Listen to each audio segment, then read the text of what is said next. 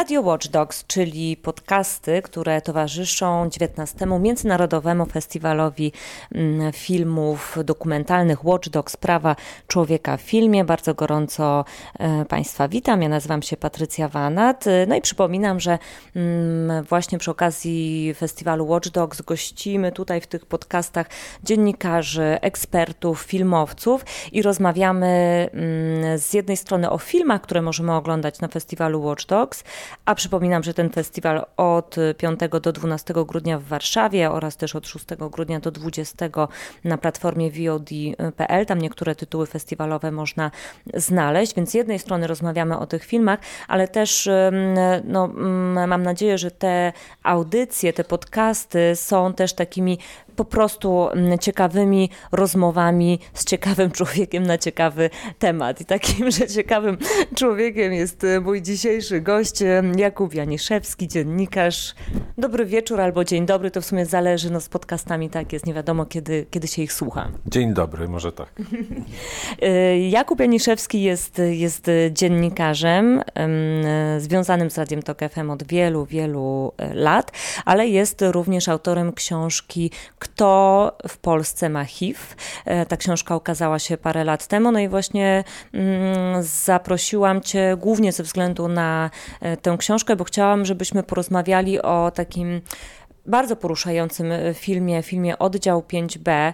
E, ja tak w skrócie powiem, zarysuję w ogóle temat tego, tego filmu, ale pewnie za chwilę to mm, rozwiniemy. No, Oddział 5B to jest dokument o E, pierwszym oddziale w szpitalu w San Francisco na początku lat 90., który zajmował się tylko i wyłącznie chorymi na AIDS. E, no film jest niezwykle poruszający, bo no, układ jest prosty, archiwalia i gadające głowy, ale to, e, jakie tam możemy oglądać e, filmy, te, te, właśnie archiwalia, te zdjęcia z przeszłości, te nagrania z przeszłości, mam wrażenie, że czyni ten dokument dość e, wyjątkowym, no i właśnie niezwykle poruszającym, bo tych filmów o tamtym właśnie okresie powstało dość dużo i tych reportaży też powstało dość dużo, ale mam wrażenie, że ci bohaterowie z tych reportaży otrzymali twarz twarz dla mnie. Ja myślę, że ten film ma taki dość szczególny walor, bo oczywiście to był w ogóle pierwszy oddział dedykowany AIDS, zdaje się, na świecie. Ale on był bardzo wyjątkowym oddziałem, ponieważ w San Francisco ta epidemia miała inny charakter, bo środowisko, wspólnota, świat gejowski tam był bardzo widoczny i bardzo taki, powiedziałbym, zintegrowany z e, miastem. I to miasto otwarte właśnie na bardzo takie liberalne i lewicowe, takie lewicujące miasto otwarte na rozmaite postawy i różnorodności, miasto artystów i miasto takich wagabundów, włóczęgów i buntowników, tak było zawsze opisywane, ono jednak e, dawało pewną inną energię, e, także tej chorobie, inne znaczenie. I ten e, oddział był oddziałem zdecydowanie bardziej ludzkim niż to, co się potem tworzyło na całym świecie, co w tym filmie jest bardzo mocno pokazane.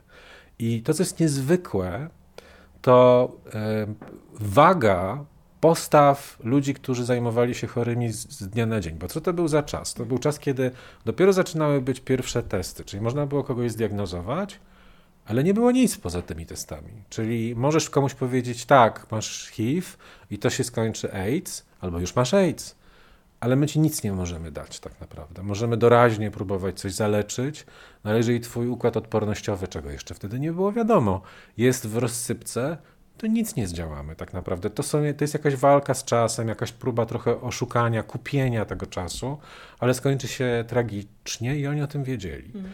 I teraz, co się liczy na takim oddziale? W sytuacji, kiedy nie do końca wiadomo, jakie są drogi zakażenia.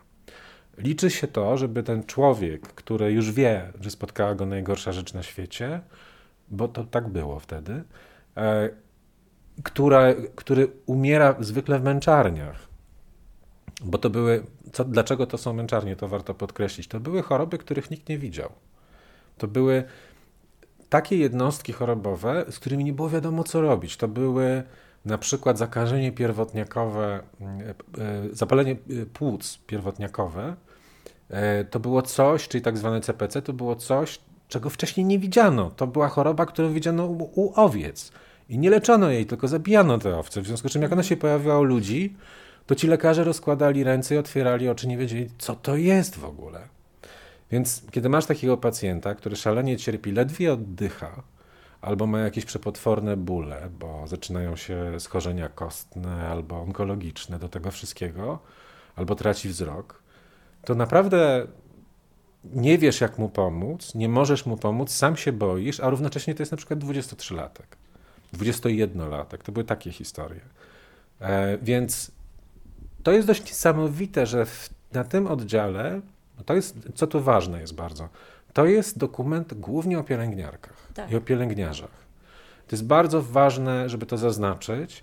Pielęgniarkach i pielęgniarzach ochotnikach, no bo tam nikt nie mógł nikogo zmusić, żeby pracować właśnie na tym, na tym oddziale. Otóż to, i to jest też taki, myślę, bardzo ciekawy, istotny i w pewnym sensie piękny aspekt tej historii, że HIV będący wielką, AIDS będący wielką tragedią w latach 80. i naprawdę tak nią ja często jak, jak oglądałem ten serial, musiałem często włączać pauzę, wyjść na moment, odetchnąć. To jest ciężki film.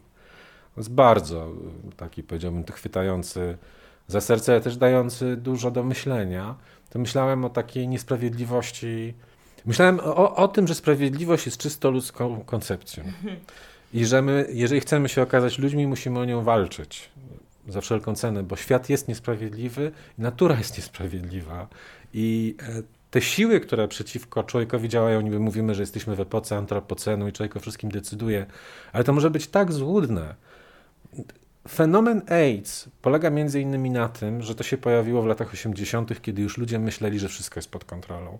Kiedy udało się wy wyeliminować syfilis, czyli kiłę, udało się opanować nad większością chorób wenerycznych, i ten moment lat 60. i 70., kiedy ludzie się cieszyli swoją seksualnością, eksperymentowali też e, w szalony sposób często, on był takim, wydawało się, czasem, kiedy nareszcie możemy sobie powiedzieć, świat jest nasz i, i, i, i cieszmy się tym. I nagle się okazuje, że nie, że wyszło coś z lasu, mhm. z czym znowu trzeba się zmierzyć w taki bardzo brutalny sposób. No ale to właśnie stąd, stąd wzięły się te wszystkie określenia jako kara za grzech, ta cała stygmatyzacja, jakaś właśnie no, kara za tę wolność seksualną. Po oczywiście. Prostu, taka, taka wręcz e, biblijna. O, oczywiście, klątwa. oczywiście, kiedy mamy stygmatyzowaną mniejszość, którą dotyka taki koszmar, no to jasne, że uruchamiają się właśnie takie skojarzenia, no bo w zasadzie jaki inny, jakim innym narzędziem możesz wykluczać kogoś, kto jest e, e, mniejszością seksualną? Żadnym poza religijnym. Nie ma e, argumentu innego niż religijny, który mówi ci, że coś jest nie okay w tej postawie. Ona jest towarzyszy ludzkości od zarania. Zawsze byli ludzie, którzy przejawiali właśnie taki rodzaj pociągu seksualnego, czy też ten pociąg seksualny był bardziej wpleciony w ogóle w normę. Mm. E, więc e, jeżeli już mamy taką epokę, kiedy się to usuwa i z przyczyn religijnych jakby ruguje ze sfery publicznej i potem się wydarza taka katastrofa, no to w republikańskiej Ameryce, gdzie do władzy doszedł Ronald Reagan, skojarzenia były proste i oczywiste, że to jest kara za grzechy, za sodomię. Więc tak, jak najbardziej. Natomiast to jest zresztą bardzo fajne w tym filmie, że tam występuje taka lekarka, mm. która jest właśnie takim głosem, tak sobie wyobrażam takiej republikańskiej e, elity. To jest lekarka, e, która była, zdaje się, ortopedą i która wszczęła taką wielką batalię o tym, o tym dotyczącą bardzo istotnego tematu, który potem przez wiele, wiele lat e, epidemię HIV i AIDS jakoś stymulował, był takim dużym pytaniem, jaka jest granica między prywatnością pacjenta a prawem do informacji medycznej. To znaczy, czy lekarz zajmujący się pacjentem i operujący go powinien wiedzieć, że ta osoba jest zakażona. Odpowiedź brzmi: nie musi o tym wiedzieć, powinien dbać o to, żeby nie zakazić się kontaktem z krwią. Tak samo jak przy każdym innym pacjencie, bo zawsze istnieje ryzyko, że są też inne schorzenia. I, I, to jest materiał potencjalnie zakaźny. To nie musi być od razu HIV albo AIDS. No ona uważała inaczej. E, I tam to jest bardzo ciekawie opisane i rozbudowane w ogóle. Co to znaczyło w tym oddziale, że te kobiety i ci mężczyźni decydowali się dotykać pacjentów, mm. decydowali się ich głaskać, e, nie wiem, ocierać im łzy, albo po prostu jakoś tak fizycznie z nimi być. Tego przytulania tam jest bardzo dużo i to widać, że, że to była taka próba mm, jakby Okaz... tak, no, okazywania uczuć. Tak jest, znaczy, no właśnie, to jest, i, i, i, tu znowu jest jakiś wielki dramat, który był zapisany w tamtych latach, mianowicie bardzo często ci ludzie y, nie mieli nikogo, kto do nich przyjdzie. Nie było kogoś, kto, kto się nimi zainteresuje. Nie było rodziny, która okaże im zrozumienie, bo bardzo często, i to pada zresztą wprost z ust jednego bohaterów tego filmu, rodzina może być rodziną z nazwy. Więzy biologiczne nie muszą być więzami emocjonalnymi. Tak się często dzieje, więc y, człowiek, który, którego spotykało takie nieszczęście, bardzo często był sam i umierał sam. I ta samotność była właśnie tym, z czym próbowały walczyć te pielęgniarki. I to jest bardzo, no ja uważam, pięknie pokazane i w taki no, dość niezwykły sposób. Zresztą Kalifornia i San Francisco jest w ogóle istotne, dlatego że tam się narodziły takie pierwsze próby zrobienia czegoś z tą epidemią od strony właśnie z tak zwanej community, czyli to, co my możemy zrobić sami, żeby sobie pomóc. Na przykład w jaki sposób ten test powinien być prowadzony, w jaki sposób powinna być zrobiona rozmowa przed, po, żeby to wszystko jakoś obudować, żeby ten człowiek nie był sam, żeby nie zostawał sam, żeby ta informacja nie była taka miażdżąca, jeżeli jest plusem i tak dalej. No ale wiesz, to tutaj ci tylko przerwę, bo mm, ta, jak powiedziałeś, to ta, ta community e, zrobiła to też dlatego, że w zasadzie musiała to zrobić, bo nikt inny po prostu tego nie zrobił.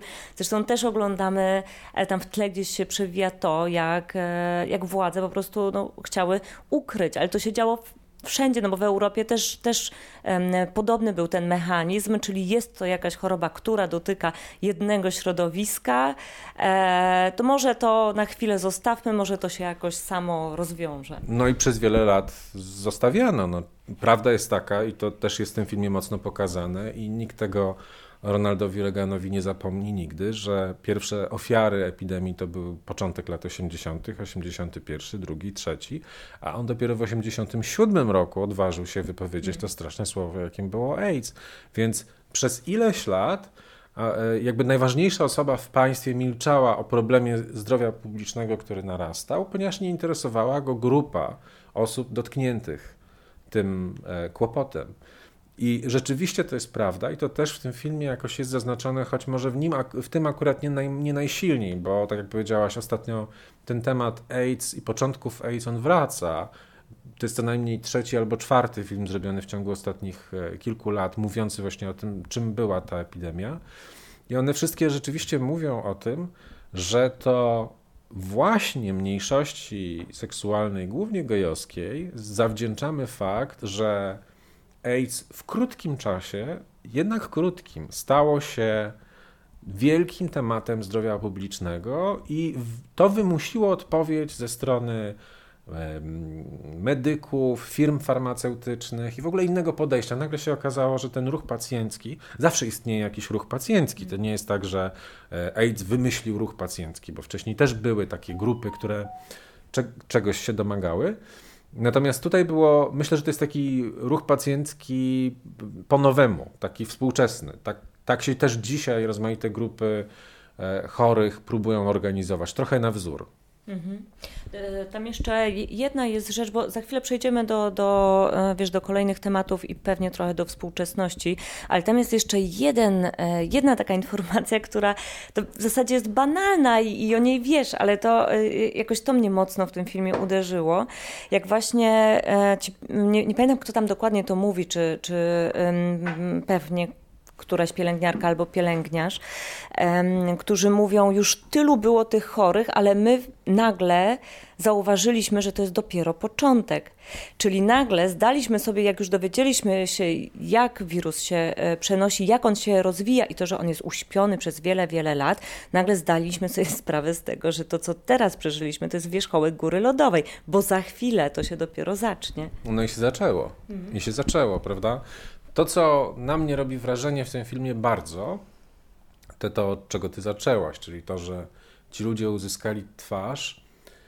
Mianowicie to, że Tak jak te pielęgniarki o tym mówiły. Myślę, że to jest takie ważne, że być może właśnie ta perspektywa pielęgniarska sprawia, że to się stało takie ludzkie, ta opowieść stała się taka ludzka, zindywidualizowana. Że kiedy mówi o tym lekarz, to on mówi o trochę innych pytaniach, bo on zastanawia się, co może zrobić, jakie może uruchomić środki, jakie zastosować inne metody, do kogo zadzwonić, z jakim kolegą się skonsultować. To jest inny sposób myślenia. Natomiast pielęgniarka jest po to, żeby ten człowiek nie cierpiał, żeby w danym momencie mu pomóc.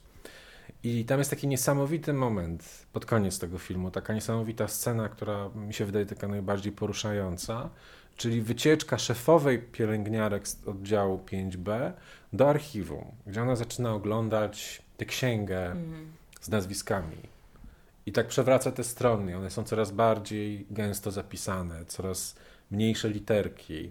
E, te liczby rosną i ona mówi tyle życia, tyle obrazów życia, tyle mm. energii.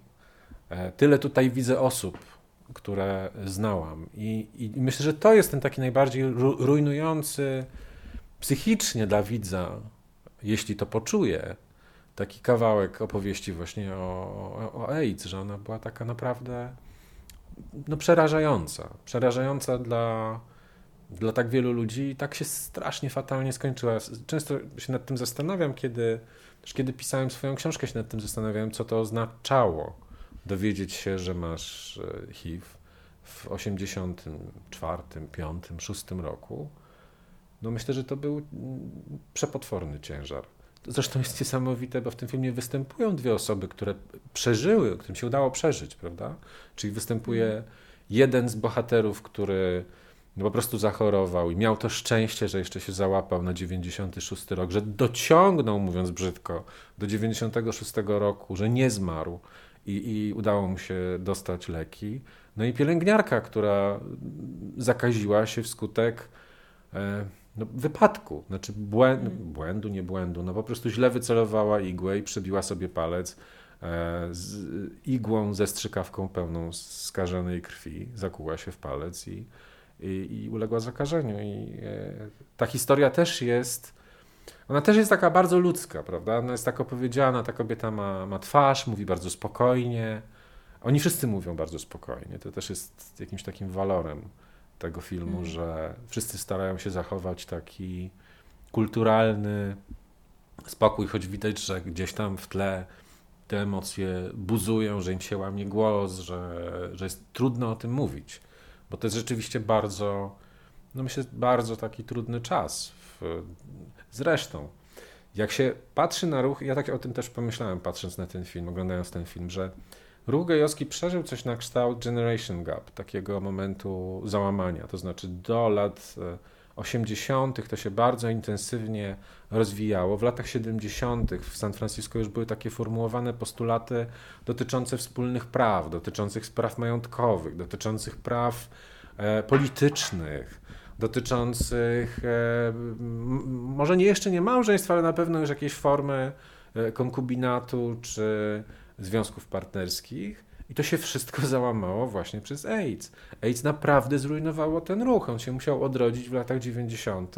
z tych niedobitków i z mm, nowego, młodego pokolenia, więc nie, nie ma się co dziwić, że ta walka o prawa do związków partnerskich, do małżeństw się tak przedłużyła, że ona miała takie, że właściwie 80., 90. lata zostały prawie zupełnie wykasowane. Moi e, znajomi, na przykład ze Szwecji albo z Wielkiej Brytanii, mówią: No tak, no u nas mówili, mówili, kiedy mieliśmy tam, nie wiem, po 30 lat, mówili: My nie mamy 50-letnich działaczy, oni wszyscy nie żyją, wszyscy wymarli.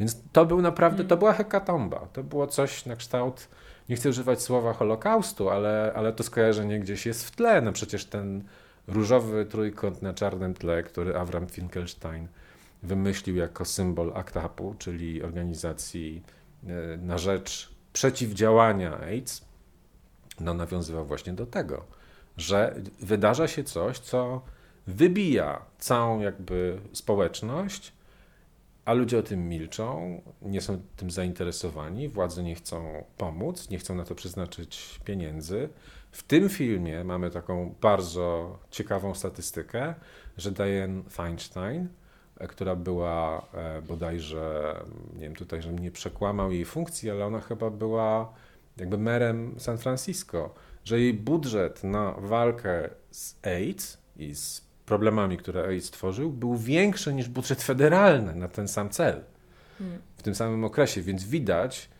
jak wiele zależało od władzy, która w tamtym momencie była po prostu niezainteresowana.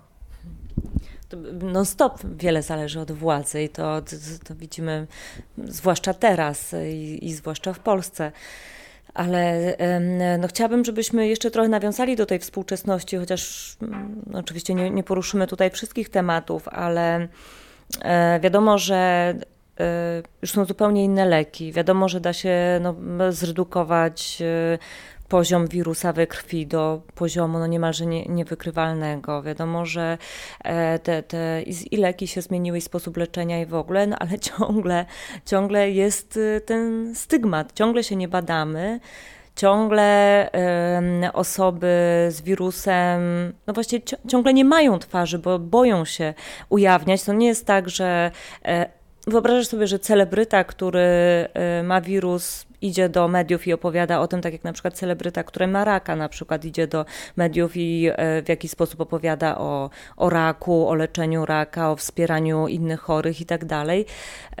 No ja sobie nie wyobrażam takiej sytuacji, ona nie, nie, nie wiem, czy ona się wydarzy. Mm, w Polsce sobie wyobrażam to z wielkim trudem. Na świecie takie przypadki były, chociaż nie wiem, czy dzisiaj ktoś by się jeszcze zdecydował na taką otwartość, czy to byłoby czy to byłoby opłacalne, czy byłoby warto? Bo może w latach 90., kiedy się wydawało, że świat musi się tego nauczyć, e, takie deklaracje i postulaty miały sens, czy były postrzegane jako coś e, pozytywnego, ale tam ten entuzjazm i zaangażowanie wygasło. Mm. Już nie żyjemy w czasach, kiedy istnieje e, aktywizm anty-AIDSowy czy anty-HIV nawet e, przy Unii Europejskiej niedawno przestało istnieć takie ciało dla, dla organizacji pozarządowych zrzeszających e, właśnie działaczy zajmujących się tym problemem. Uznano po prostu, że to jest problem rozwiązany na poziomie instytucji zdrowia publicznego, na poziomie jakby lecznictwa. Już nie potrzebujemy tego zaangażowania obywatelskiego. I tak, tak jest? Myślę, że w wielu krajach tak jest. No mhm. nie wiem, czy w Niemczech, czy we Francji, czy w Wielkiej Brytanii, czy w Skandynawii, czy w Holandii rzeczywiście jest potrzebny w tej chwili aktywista, który będzie się zajmował tematem HIV. Wydaje mi się, że nie, że te tematy są rzeczywiście jakoś tam porozwiązywane. Inna sytuacja panuje u nas, no, gdzie... No właśnie, bo u nas y, liczba y, zakażonych, czy może inaczej wykrytych, prawda? No bo to jest duża, duża różnica. No tak, ale nie, liczba mm. zakażeń też rośnie, mm. nowych zakażeń rośnie. Tu jest taka jedna e, rzecz, o której e, te filmy nam nie powiedzą, która jest bardzo istotna, która zmieniła krajobraz. I e, nawet ta moja książka sprzed 8 lat, ona też jest, należy już właściwie do publikacji historycznej, bo rzeczywistość się zmieniła.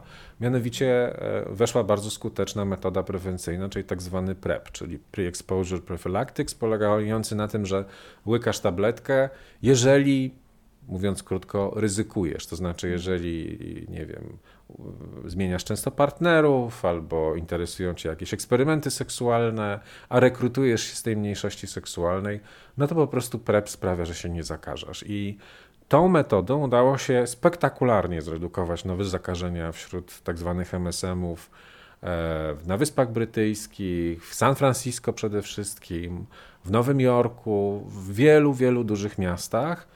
I pewnie, gdybyśmy mieli większe zaangażowanie w Polsce, większe środki na to, gdyby to były, była e, metoda refundowana, to w Polsce też by się udało to, tym sposobem zahamować liczbę nowych zakażeń. No, ale tego nie ma i tu jest oczywiście wątek polityczny nie ma, no bo w Polsce problem HIV nie istnieje. Też się go traktuje jako problem rozwiązany. Wszyscy, którzy potrzebują leczenia, je dostają. I to znowu, to nieważne, że dostają stare leki, bo tych nowych generacji im nikt nie kupi, choć leki nowej generacji mają mniej skutków ubocznych i są generalnie lepsze.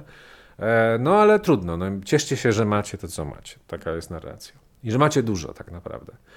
E, nie mają dużo i nie mamy dużo jako społeczeństwo do zaoferowania jakby tym osobom, które są w sytuacji ryzyka. E, I to mnie szalenie martwi, ale też martwi mnie to, że nie mamy żadnej, w moim odczuciu jednak, nie mamy społeczności gejowskiej w Warszawie, która by o siebie walczyła i która by próbowała o tym mówić i próbowała to zidentyfikować i uznać za swój problem. Co było najbardziej bolesne dla mnie po publikacji mojej książki, to to, że byłem oskarżany o to, że dlaczego ja jako gej mówię innym gejom, że problem HIV jest, jest, jest ich problemem. Przecież to jest problem uniwersalny, ogólnoludzki i dlaczego ty nas tutaj stygmatyzujesz? I to jest taki moment, kiedy ja nie wiem, co powiedzieć. No, no bo naprawdę nie umiem jakby odbić tego. No, stygmatyzuję dlatego, że nie stygmatyzuję przede wszystkim, tylko mówię, że taka jest rzeczywistość. Taka y, rzeczywistość jest na całym świecie.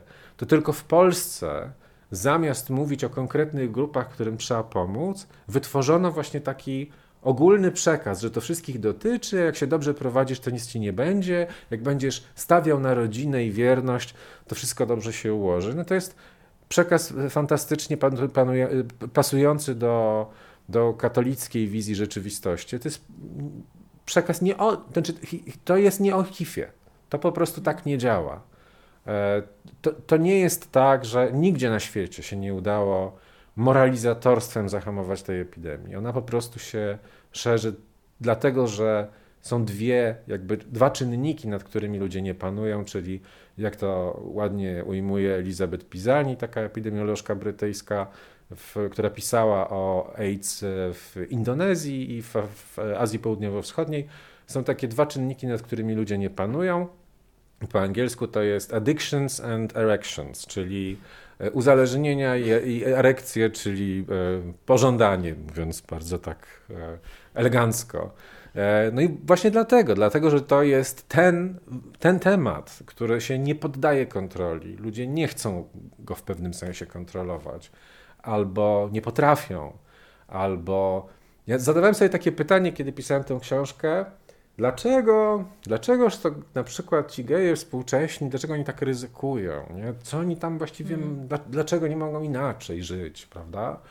I takie sobie różne rozkminy snułem i zadawałem też te pytania, no bo wreszcie miałem komu, tym niedobitkom ze Stanów Zjednoczonych, którzy mieli po 50 lat i oni tak na mnie patrzyli z politowaniem, ale też z jakąś sympatią i mi tłumaczyli, że Pamiętaj o tym, że często seks to jest jedyna władza, którą masz. To jest jedyna, jedyna, jedyna sytuacja w Twoim życiu, gdzie Ty czujesz, że masz kontrolę i, i gdzie jakby w pewnym sensie czerpiesz energię z tego, że możesz swoim ciałem rozporządzać ludzie będą z tego korzystali, jeżeli to im daje, nie wiem, poczucie ukojenia, poczucie bycia akceptowanym, kochanym, lubianym. Jeśli to jest ten moment, kiedy czujesz się E, jakby u siebie, że to jest, e, że nie jesteś tylko tym dziwolągiem, który jest jakiś taki inny niż reszta, no ale jest też jakiś fan, jakaś zabawa w tym, prawda?